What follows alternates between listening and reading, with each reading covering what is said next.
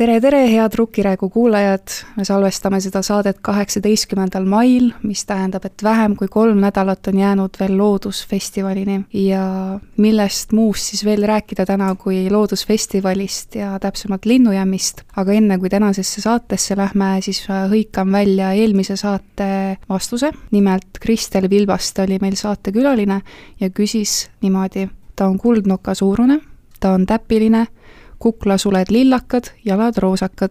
kellega tegu? selline väike trikiga küsimus, tegu on kuldnokaga. meil on siis saates kaks külalist, kellel on ühel või teisel moel seos loodusega ja meid kõiki kolmi ühendabki just nimelt Linnujämm. tere tulemast stuudiosse, muusik meister Jaan. tere! ja kirjanik, luuletaja Jaanika Läänemets, tere!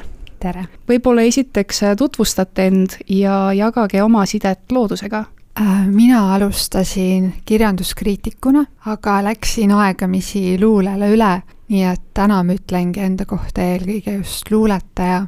eelmisel sügisel ilmus Värske Rõhu äh, debüüdisarjas värske raamat Minu debüütkogu, Vihma ja kurbuse maja. selle üheks läbivaks teemaks ongi inimese ja looduse suhe ning äh, tõenäoliselt teisiti ei olekski saanud minna, ma olen maal sündinud ja kasvanud ning elan praegugi Jõgevamaa metsade keskel. nii kaunilt tutvustatud. ja Jaan uh,? ma olen meister Jaan, ise hakkasin meistriks juba siis, kui ma olin alles laps uh,. lihtsalt otsustasin, et ma olen nüüd meister, muidugi see algus oli nali ja tegelikult see on siiamaani nali. Okei okay,, praegu see ei ole isegi nali, see on pigem nagu selline taak, mida ma kannan ja, ja mulle on hakanud meeldima selle koorma kandmine. ja kena, et sa mind muusikuna tutvustasid, et äh, mul endal on endiselt äh, millegipärast nagu raske ennast muusikuks nimetada, kuigi see on tõesti see, millega ma peamiselt tegelen. muusikasse ma sisenesin kuidagi hästi niimoodi sujuvalt, et äh, mul oli tahtmine seda teha ja katsetada, aga tegelikult ega ma ise ei arvanud, et ma nüüd mingisugune päris muusik olen lihtsalt äh, tasapisi hakkasid tulema mingid lood, mis äh, meeldisid teistele ja, ja kutsuti esinema ja nii ta läks. aga kuidas sa ikkagi leidsid oma tee siis muusikani? kas oli mingi näiteks kindel tõuge, et nüüd on see, et jah, nüüd ma hakkan tegema?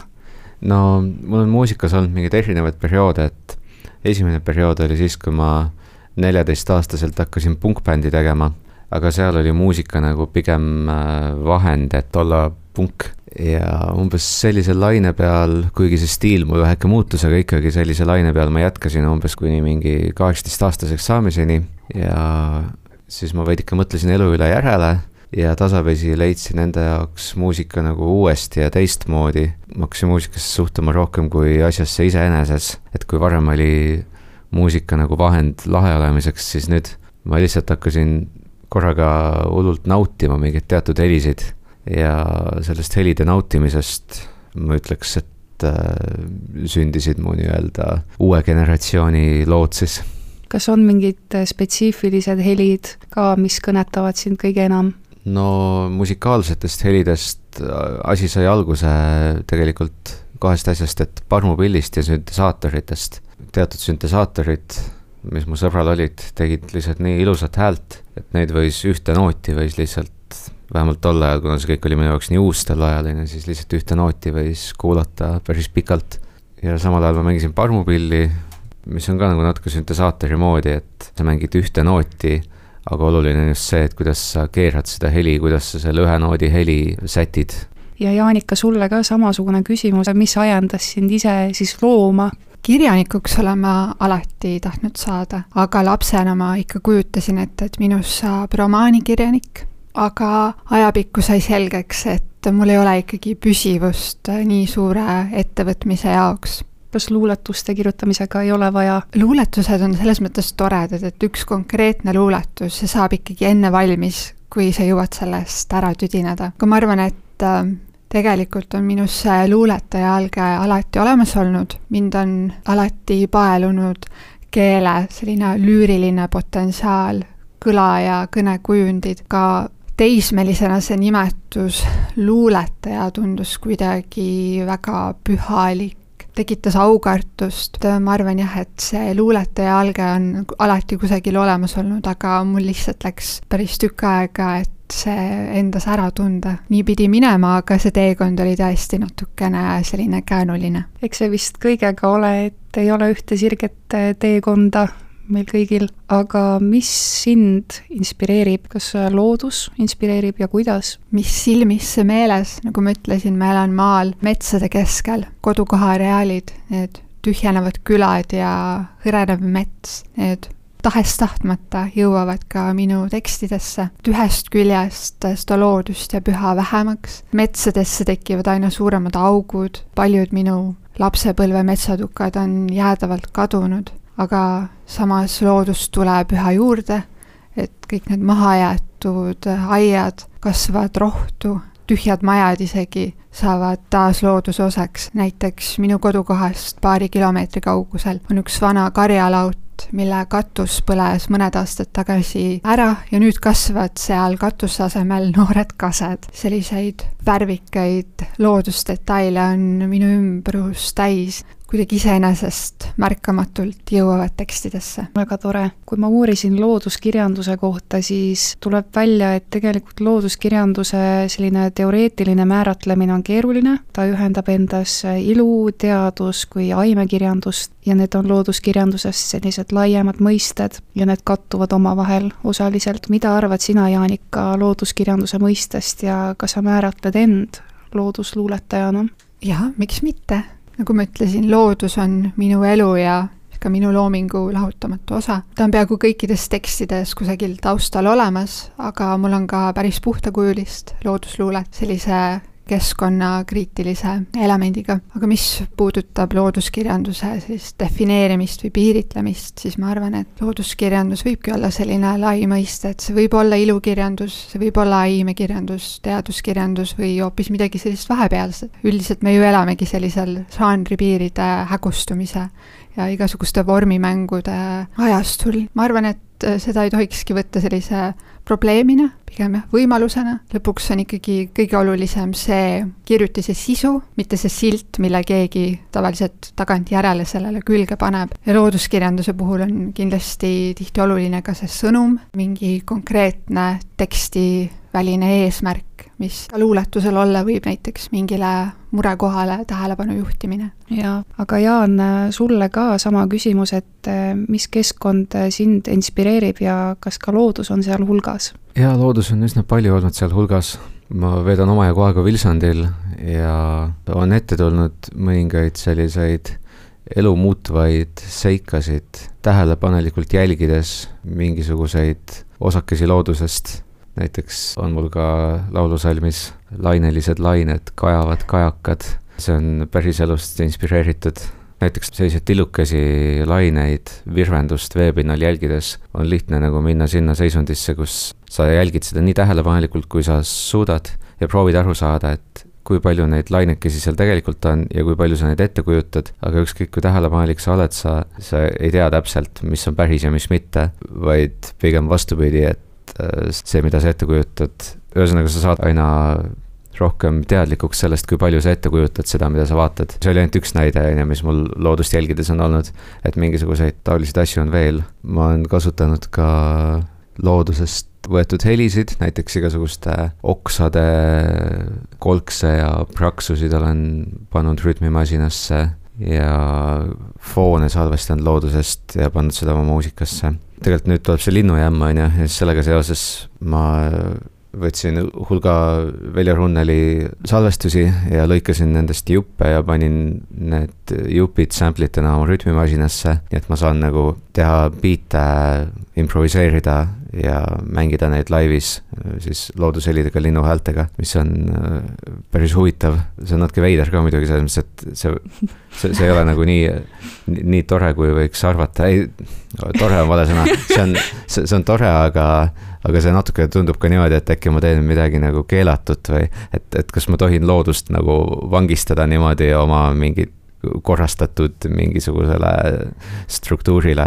mul tuleb ka mõni näide meelde, Puukoore laul näiteks mm -hmm. on seotud puukoorest ja puudest ja lehtedest mm. -hmm. kust näiteks selle loo idee üldse tekkis? selle loo idee tekkis niimoodi, et mul oli tunne, et ma ei tea, mida ma tahan ja siis sõitsin Kaberneeme oli detsembrikuu üsna jahe, ma kujutasin ette, et ma hakkan seal täiega chill ima ja võtsin võrkkiige ja magamiskoti ja kõik asjad kaasa ja paningi ennast üles kahe männi vahel, aga siis tundus nagu, et mida ma siin ikkagi teen, et äh, jahe on ja kas ma peaksin nüüd nagu nautima seda siin ja, ja ma sain aru, et ma isegi ei tea, kuhu poole ma peaksin vaatama, et no see oli mere ääres, et kas ma pean nagu nii-öelda vaadet nautima, nagu öeldakse. ja, ja siis äh, murrang selles tuli siis, kui ma leidsin, et kõige huvitavam on vaadata just puukoort ja keskenduda sellele. ja siis see puukoor hakkas hästi huvitav tunduma ja siis mul tuli jälle meelde nagu, et kuidas äh, lubada endal nautida seda, mis iganes sulle ette jääb, et ma ei pea nii-öelda merevaadet nautima, kuigi mul see võimalus on, vaid et mulle meeldib hoopis seda puukoort vaadata. et see on see nii-öelda jõud, et vaadata puukoort, et, et osata lubada endal teha seda, mis justkui esialgu ei tundu nagu see, mida tavaliselt tehakse või? kui me lähme tagasi ajalukku või, või rahvapärimusse, siis tegelikult äh, need jutustused loodusest, need on justkui hoiatused ja viisid, kuidas õppida tundma loodust. mis see seis on või mis on see teie arvamus üleüldse looduskultuurist? no üks teooria on see, et see vist lihtsalt oli see, mis oli meie ümber nagu, et äh, siis ei olnud nii palju seda muud kultuuri, vaid oligi nagu loodust nii palju, et eks sa siis laulad sellest, mis on su ümber. ma arvan, et äh, tänapäeval saab sellise võib-olla isegi peaaegu vastupidise äh, eesmärgi, et kuna inimestel jääb loodusega kontakt aina vähemaks, siis on võib-olla selline hea meeldetuletus. mina võin ju me-, metsade keskel elada, aga ma, ma saan aru, et ma olen erand. kui ma mõtlen oma loomingule, siis see võikski olla viis, kuidas äh, rohkemad inimesed jõuaksid selle kogemuseni rahvapärimus, kõik äh, see juba olemasolev materjal. et see on samuti hindamatu iseenesest kui, kui uutele looduskirjanikele, muusikutele inspiratsiooniallikana. kas te olete tagasisidet ka saanud oma teostele, kus on mingeid looduse metafoore või looduse nüansse? jaa, ikka olen, aga see on selline kahetine asi, et ühest küljest äh, teatud hulga inimeste seas on loodus nagu nii, ütleme, kuidas öelda, popp teema, et juba ainuüksi see, et äh, su muusikas on mainitud midagi looduse kohta, on sümpaatne osadele nagu. siis mõnikord ma isegi ei saa aru, et kas see kommentaar on nagu muusika kohta või selle kohta, mida see inimene arvab mu muusikat kandvat. ja ma arvan, et äh, kui on muidugi väga oluline see keskkonnakriitiline aspekt, mida oma tekstidesse puistan, siis samas usun, et peaks jääma ka võimalus lihtsalt niisama loodusest kirjutada, et ei pea alati ilmtingimata mingit sellist suuremat eesmärki kandma, jätta lugejatele see võimalus teda tõlgendada. tihti sellest lihtsalt kirjutamisest, tähelepanu juhtimisest võib juba piisata või see võib olla see, see esimene samm. et ma kujutan ette, et on palju neid, kellele selline väga, kui sa hakkad väga otsesõnu mingit sellist programmi ajamas võib muuta selle teksti natukene kuidagi kuivaks või kangeks, vähemalt minu oma, oma, oma tekstides ma üritan ikkagi hoida selle looduse ühe, ühe elemendina, küll oluline element, aga siiski vaid üks sellest, et tõeliselt hea looduskirjandus ja ma arvan, ka muusika on selline, äh, millel on ka teisi kvaliteete kui ainult see teema seal. jaa, väga ilusti sõnastatud. mul tuleb sellega meelde Vüürilehe sünnipäevafestival, mis toimus genialistide klubis ja Uues teatris ja seal üks Islandi lastekirjanik rääkis hästi ilusti läbi oma kogemuse miks on vaja loodust hoida ja kuidagi nagu hästi pehmelt ja sõbralikult, et ei olnud sellist noomivat või käskivat kõneviisi, vaid läbi oma tunnete, miks on äh, pisikesed jõed olulised Islandi jaoks, et miks ei tohi neid ära kuivatada. Need on äh, teatud linnuliikide jaoks olulised pesitsuskohad. kui sa näed, et temas kirgab seda kirge ja soovi hoida omaenda keskkonda ja loodust, siis see mõjub tahaks loota, et see mõjub ka teistele, ma arvan, et just see on üks viis, kuidas ühendada kultuuri ja loodust. ja see on ka mõneti linnujämmi eesmärk, linnujämm innustab tähelepanu pöörama lindudele ja linna loodusele ja nagu me juba ennist rääkisime, siis ajalooliselt on looduse väärtustamine käinud käsikäes just pärimuskultuuriga, kirjanikud ja muusikud on lindudest, nende olekust ja eluviisilt rohkelt inspiratsiooni ammutanud ja ka tänapäeval on oluline ühendada loodushoidu ja looduse mitmekesisuse väärtustamist kaasaegsete kunstivormidega, stiilide ja loomepraktikatega. Ja linnujämmi formaat ongi selline, et nii muusikud kui ka luuletajad esitavad lindudest inspiratsiooni saanud loomingut, olgu siis selleks linnulaulu tõlgendus sõnades või muusikas, või siis hoopiski linnuga seotud rahvapärimusest saadud impulss või isiklik elamus. linnujämmile tulevad kokku lisaks Kitty Florentine, Sofia-Liis Liiv, nemad on muusikud, ja kirjanikest Doris Kareva, Aare Pilv, Veronika Kivisilla ja Mirjam Parve. võib-olla tahate natukese rääkida, millise linnuliigi te valisite?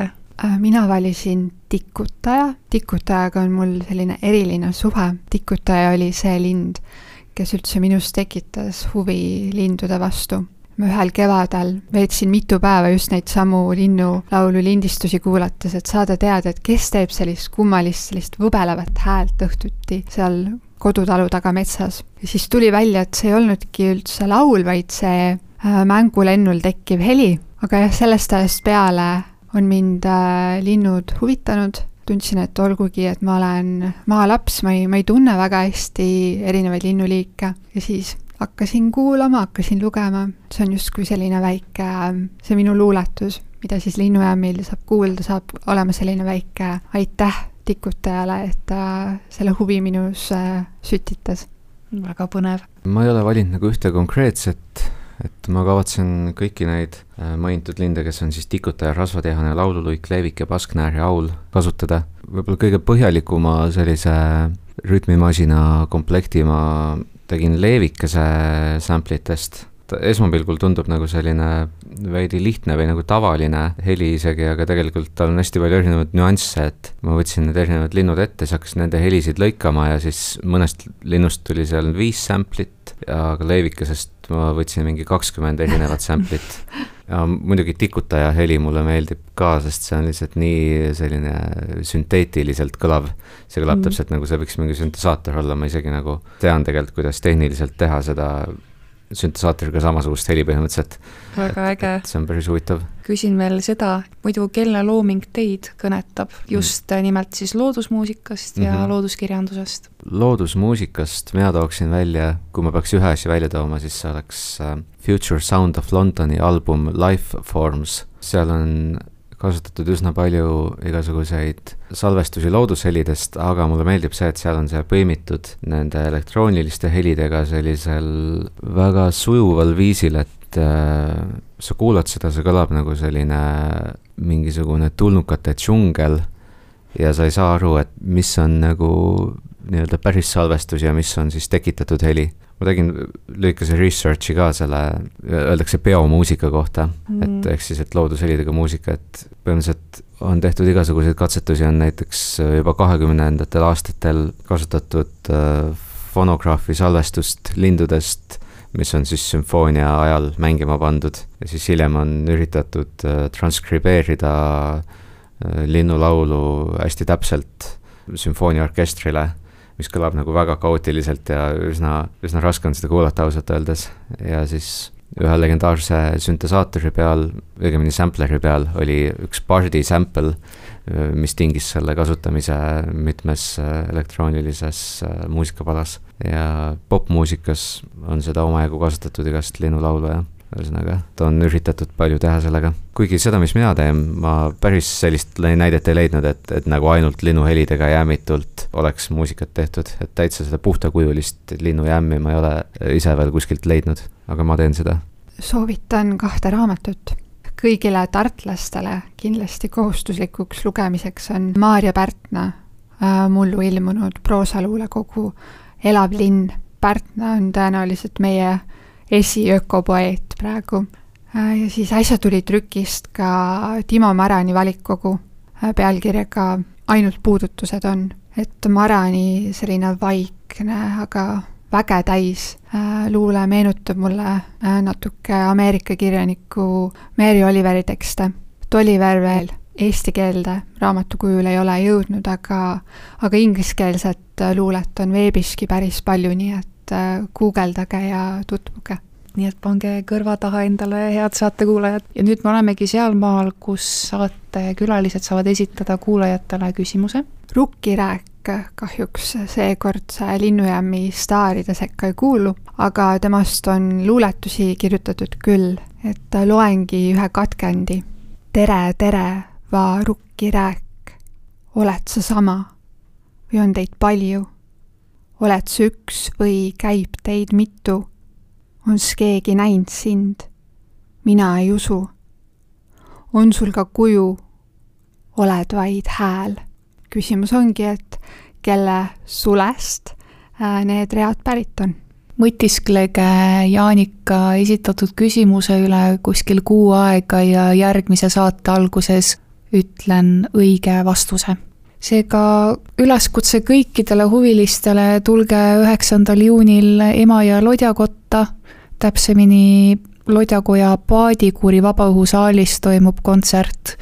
kell kuus hakkab, kestab kaks tundi ja osavõtt on täiesti tasuta. lisaks tulevad kollased kassid kohale, kes tegutsevad muidu Vanemuise teatris ja valmistavad ette igasuguseid vahvaid mänge lastele. linnujämm on osa Loodusfestivali programmist ja sel aastal toimub Loodusfestival seitsmendast kuni üheteistkümnenda juunini sel aastal pööratakse tähelepanu nii avalikele kui ka eraaedadele ja neis peituvatele aaretele, eelkõige looduslikule elurikkusele. kui soovite kurssi viia end kogu programmiga, siis kindlasti vaadake Loodusfestivali kodulehele loodusfestival.ee Jaanika ja meister Jaan, teiega kohtume juba üheksandal juunil Linnujämmil ja loodetavasti kohtume ka Rukkiräägu saatekuulajatega Loodusfestivali üritustel. aitäh, et saatesse tulite! aitäh kutsumast! rukki rääkimiseni!